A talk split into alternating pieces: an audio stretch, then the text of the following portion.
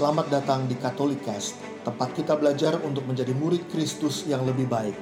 Katolikas bertujuan membantu kita semua untuk semakin berakar dalam iman pada Yesus, bertumbuh dalam persaudaraan dengan semua orang, serta berbuah dalam berbagai karya kasih demi gereja, bangsa, dan sesama. Katolikas berisi cerita kesaksian dan refleksi hidup sebagai pengikut Kristus, katekese iman yang relevan dan praktis untuk hidup sehari-hari, serta dialog topik-topik kekinian dengan berbagai narasumber untuk memperkaya hidup iman kita semuanya. Selamat mendengarkan, Tuhan memberkati.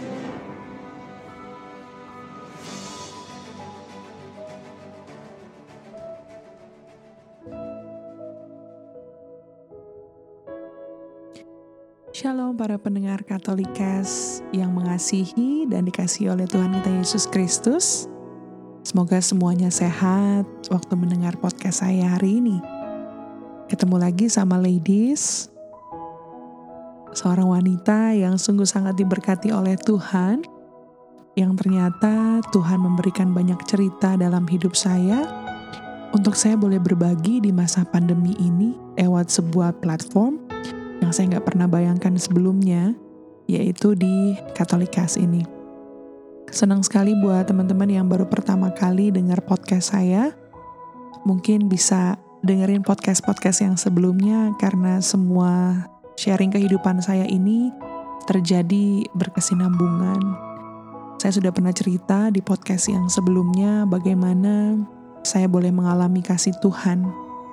Dan ketika saya mengalami kasih Tuhan, saya rindu bukan hanya saya saja yang diberkati, tapi Kata firman Tuhan juga berkata, "Aku dan seisi rumahku akan memperoleh keselamatan dari Tuhan." Yes, aku rindu banget. Saya tuh rindu banget bahwa uh, keluargaku tuh harus harus mesti kudu wajib banget ngalamin yang namanya kasih dari Yesus Kristus.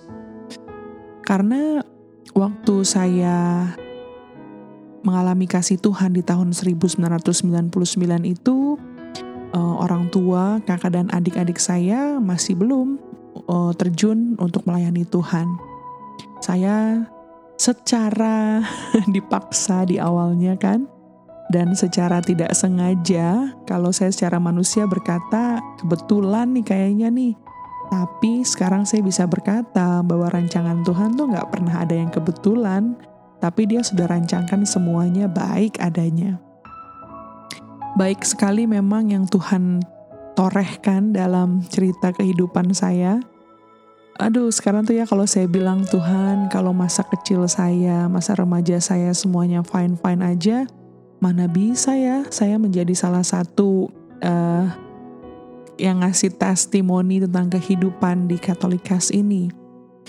Jadi saya bersyukur sekali lagi buat para pendengar Katolika semua, kalau sekarang kalian lagi mengalami cerita kehidupan yang rasanya kok di bawah terus ya Tuhan, kok ceritanya tintanya warnanya hitam semua ya, kapan aku bisa menorehkannya dengan tinta merah gitu, artinya penuh dengan sukacita. Jangan khawatir, waktunya pasti indah, pasti akan ada. Jadi yang saya mau uh, share malam hari ini atau kesempatan kali ini adalah bagaimana ketika saya mengatakan yes untuk melayani Tuhan, saya pun rindu untuk membawa orang tua saya nih. Yang pertama-tama saya mau mencoba bawa adalah orang tua.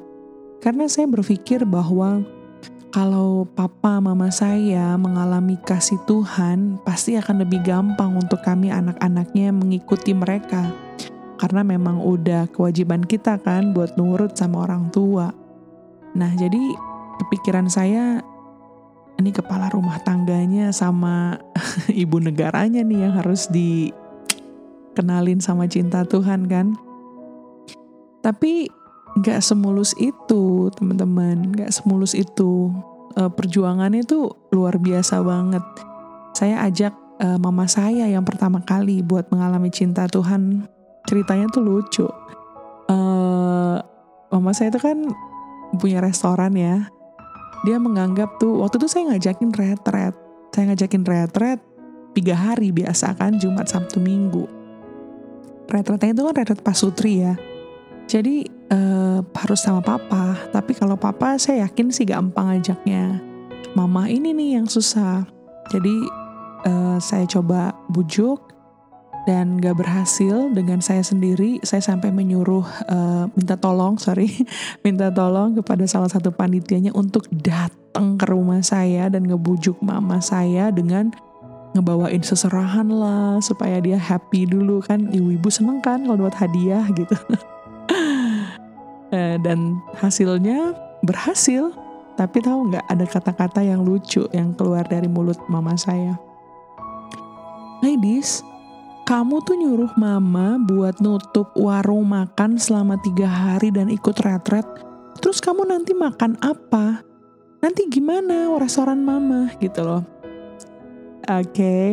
kira-kira sampai sini ada yang sependapat nggak? Iya tuh nyokap gue juga gitu tuh atau bokap gue juga gitu. Mama saya memang kalau bisa uh, eh, 24 hour, uh, eh, 7 hari dalam seminggu kerja itu kerja men. Jadi kayak buat dia tuh duit duit duit duit duit duit itu segalanya gitu loh. Karena memang mama saya punya background waktu kecilnya yang memang uh, membuat mama saya menjadi workaholic. Membuat mama saya tuh bahwa hidup ini harus diisi dengan bekerja, maka kamu akan bisa mendapatkan segala sesuatu. Dan kebahagiaan itu diukur dari uang saja. Uh, sampai malam hari itu saya cuma bilang sama mama, Mah, kasih tiga hari aja untuk aku bisa bawa mama ke retret ini. Aku nggak janjiin apa-apa, saya nggak janjiin apa-apa buat mama. Saya cuma bilang, please mah, tiga hari aja nggak nggak begging begging yang tenang deh mah nanti Tuhan Yesus akan gantikan kalau mama yang udah serahkan hidup mama boleh nggak nggak mungkin orang baru mau pertama kita giring kan nggak boleh dikasih terlalu banyak kata-kata ini juga kan ya saya cuma bilang mah please tiga hari aja. Masih dengan ngoceh-ngocehnya tibalah hari H mama saya berangkat. Dan di sebuah retret tersebut saya mengalami satu kasih Tuhan yang luar biasa di mana mama dan papa saya mengalami pemulihan yang luar biasa. Di situ mereka boleh saling mengampuni pun tidak luput relasi antara orang tua dan anak yaitu saat itu yang ada adalah saya saat itu diampun uh, mengalami pemulihan juga. Dan di situlah dimulai di mana saya melihat bahwa kalau kita mau untuk membawa keluarga kita mengalami kasih Tuhan, yang pertama harus mengalami ya kita duluan. Saya bersyukur karena saya yang dimasukkan eh, uh, ke dalam uh, kehidupan yang indah ini bersama dengan Tuhan oleh uh, sepupu saya, oleh kakak saya, oleh semua orang yang berhasil membawa saya. Kalau enggak, saya nggak ngerti sih gimana cerita kehidupan saya sekarang. Yang pasti waktu saya bawa papa dan mama saya untuk mengenal cinta Tuhan, yes, keselamatan Tuhan itu turun atas keluarga kami gitu. Secara nggak kita nggak pernah ngebayangin gitu ya, adik-adik saya tiba-tiba mereka melihat karena mama papa mulai aktif melayani, mulai aktif kita berdoa di meja makan yang tadinya tuh meja makannya cukup besar, puji Tuhan.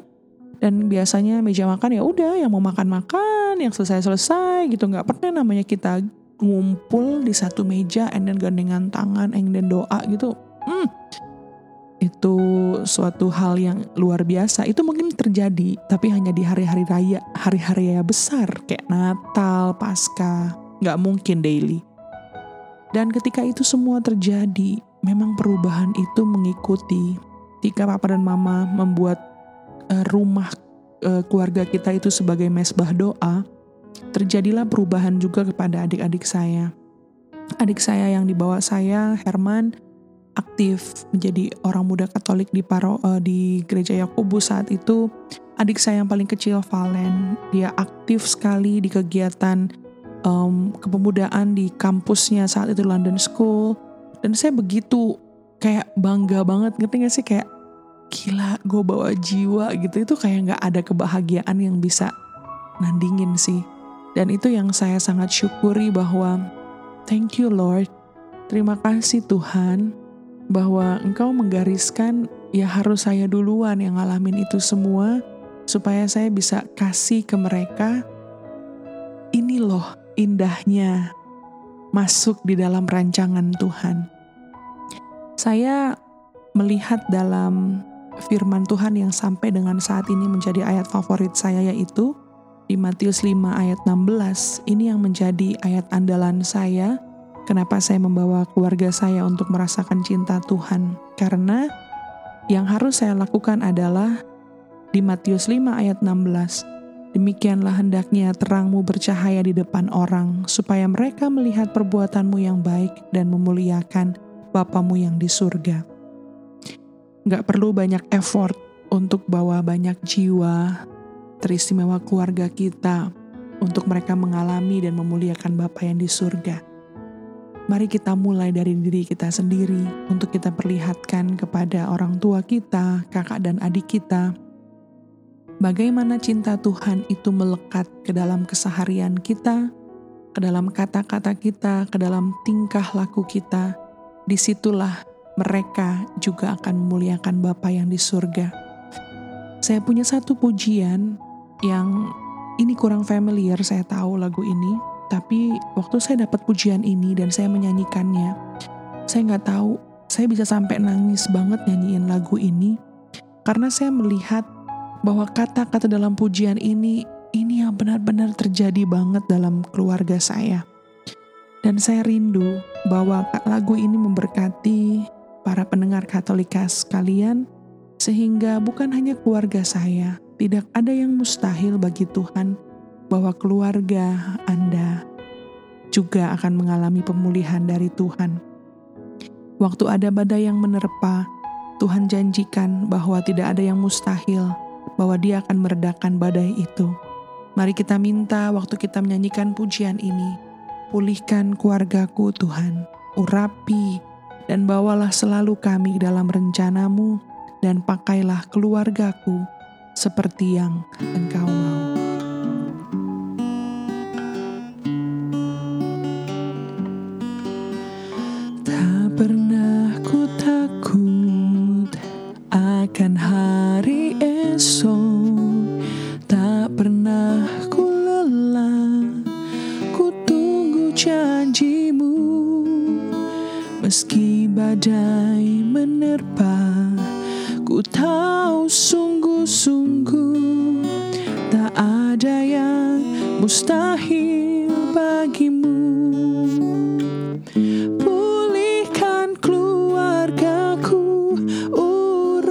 selalu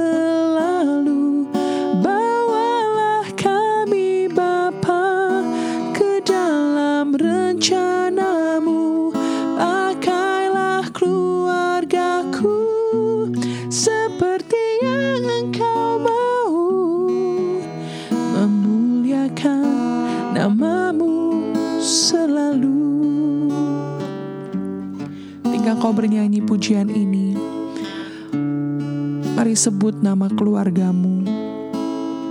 Papa, Mama, Kakak, adik. Kita mau percaya bahwa kita telah menyerahkan hidup kita untuk dipilih dan dipakai Tuhan. Maka percayalah, kita dan seisi rumah kita akan memperoleh keselamatan dari Tuhan. Nyatakan pujian ini sebagai doa kita untuk keluarga kita. Tak pernah ku takut akan hari esok. Tak pernah ku lelah, ku tunggu janjimu.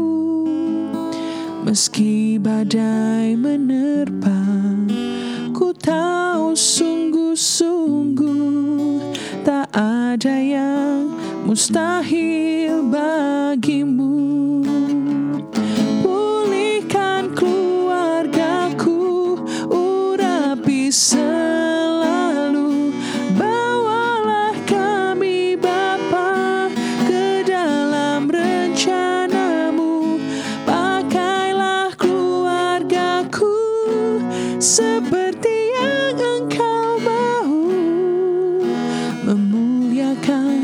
namamu selalu